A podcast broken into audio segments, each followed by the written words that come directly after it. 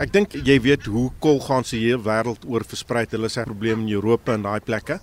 Maar wat gebeur by ons is dis heeltemal 'n onnatuurlike ding. En ek sê onnatuurlik want die kolganse gaan aan omdat ons soveel ontbos het, ons soveel landerye, soveel sportvelde, soveel areas wat geskik is vir hulle om te eet en aan te gaan.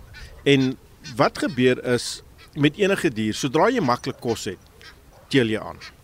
En nou kry ons 'n situasie waar kolganse 3 keer 'n jaar kleintjies kry. Reg in die winter kry ons klein kolgansies en die getalle gaan net op en op die hele tyd. So vir my is kolganse 'n groot probleem met die roofvoël nesbokse, maar nie net met die nesbokse, met die roofvoëls in die natuur ook.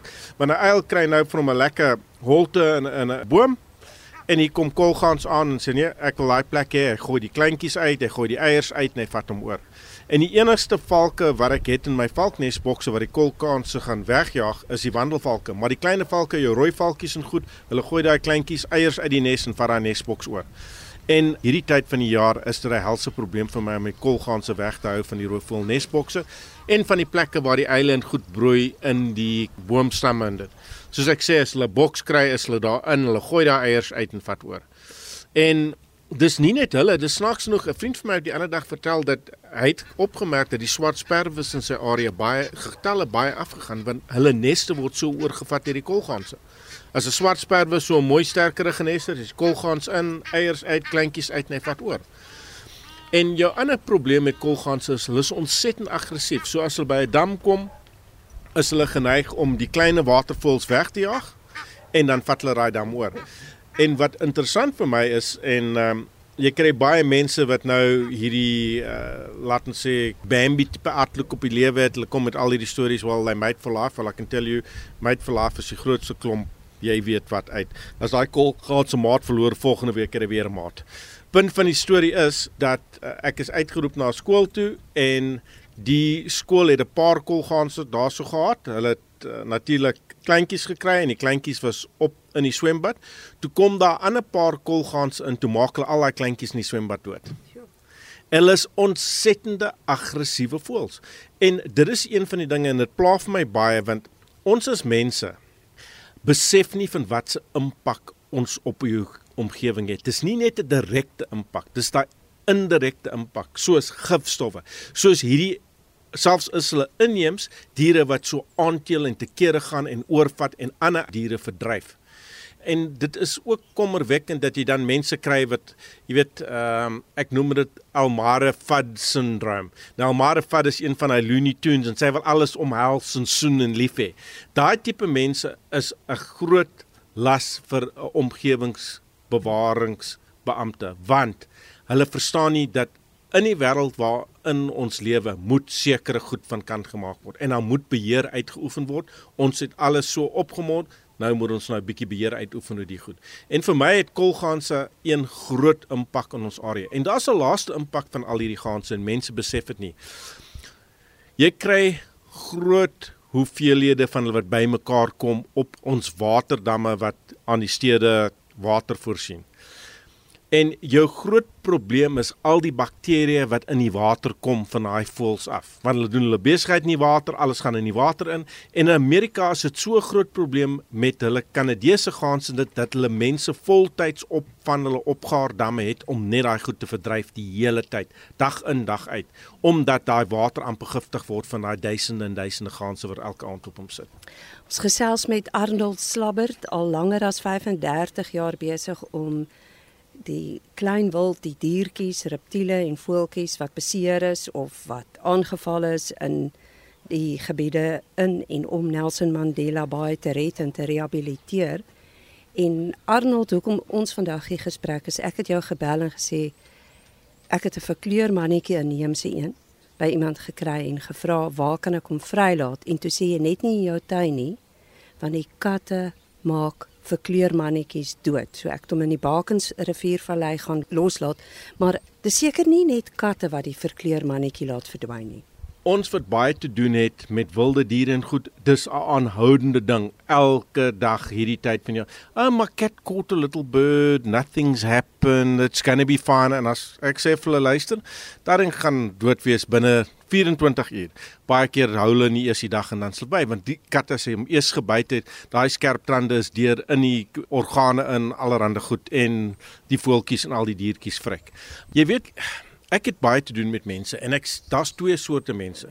Die een wil alles bewaar nie. Die ander wil alles dood hê. En ek staan in die middel van daai twee vure baie keer. En dan moet ek sê, luister, jy's reg, jy's verkeerd en dis hoe die ding gedoen moet word. Maar as ons kyk na katte, daar is soveel wetenskaplike feite oor die skade wat katte in die natuur aanrig.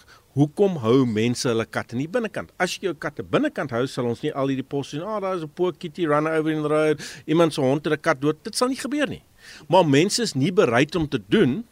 Hulle sal eerder die natuur die straf vat soos jy gepraat van dit. Dis hoekom ons nie verkeermannetjies het. Dis al daai goed verdwyn en is nie net daai dis ook natuurlik gifstowwe in die tuine wat nou veroorsaak dat die verkeermannetjies vergiftig word.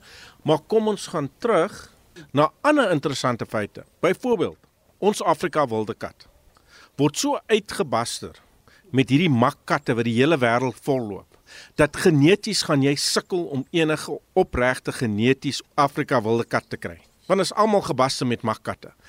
Die ander probleem is katte dra al hierdie siektes na die inheemse katte toe. So ek kry goeie byvoorbeeld ek hierdie muurshooptier, die klein gekolde katte inkry en hulle snaffels.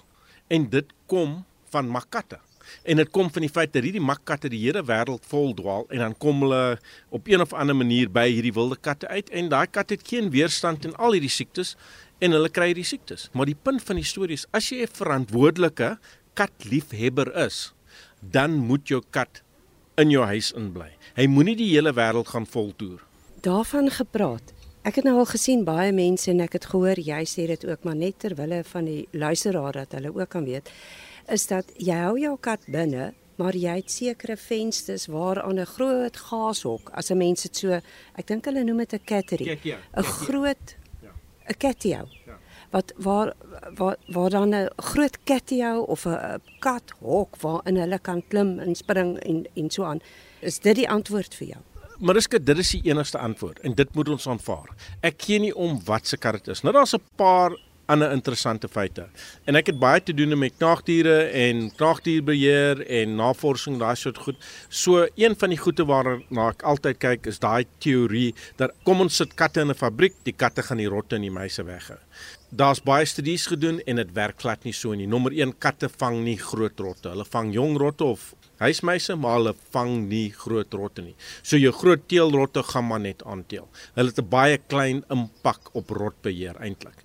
En die katte wat regtig rotbeheer kan doen, is die katte wat gebaste is met Afrika wilde kat omdat Afrika wilde kat selfs hasel vang. So as jy 'n kat het wat regtig 'n goeie jagter is, iewers in daai bloedlyn is haar Afrika wilde kat in. Maar ek sê nogtans, as jy 'n kat het, asseblief, die wetenskaplike feite is daar. Daar kan nie enige twyfel wees dat katte soveel skade aanrig op inheemse wilde diere. Hulle moet by die huis in 'n catio gehou word. Ek is selfs baie lief vir katte. Ek het 'n klomp katte by die huis. Meeste van hulle is katte wat ek gered het. En ek het twee of drie katte van my eie wat ek spesifiek wou gehad het. Ek het Bengal, ek het Sami, so ek is lief vir katte. Maar ek is ook nie dom, ek is lief vir baie ander diere ook. En ek kan nie verstaan dat kateienaars hulle oë so toemaak vir die impak wat hulle katte wat vrylik rondloop het op die natuur. My katte is almal toegesluit. Ek het hulle groot buitekant se hok gemaak. Hulle kan in die huis, uit die huis, maar nêrens anders kan hulle heen gaan nie. Daar is ander inheemse spesies ook, kraaie, seemeeu wat groot probleme veroorsaak. Die probleem is eintlik die mensdom. Ons weet dit altyd want die mensdom maak die omgewing so lekker vir die diere dat hulle kan aanteel en aanteel en daar is bitter min goed wat hulle eintlik meer jag. So hulle gaan maar net aan, hulle leef van die menslike al die gemors rondom die stede, maar hulle het 'n groot impak op ander inheemse voëls wat nie so goed by die mense aanpas nie.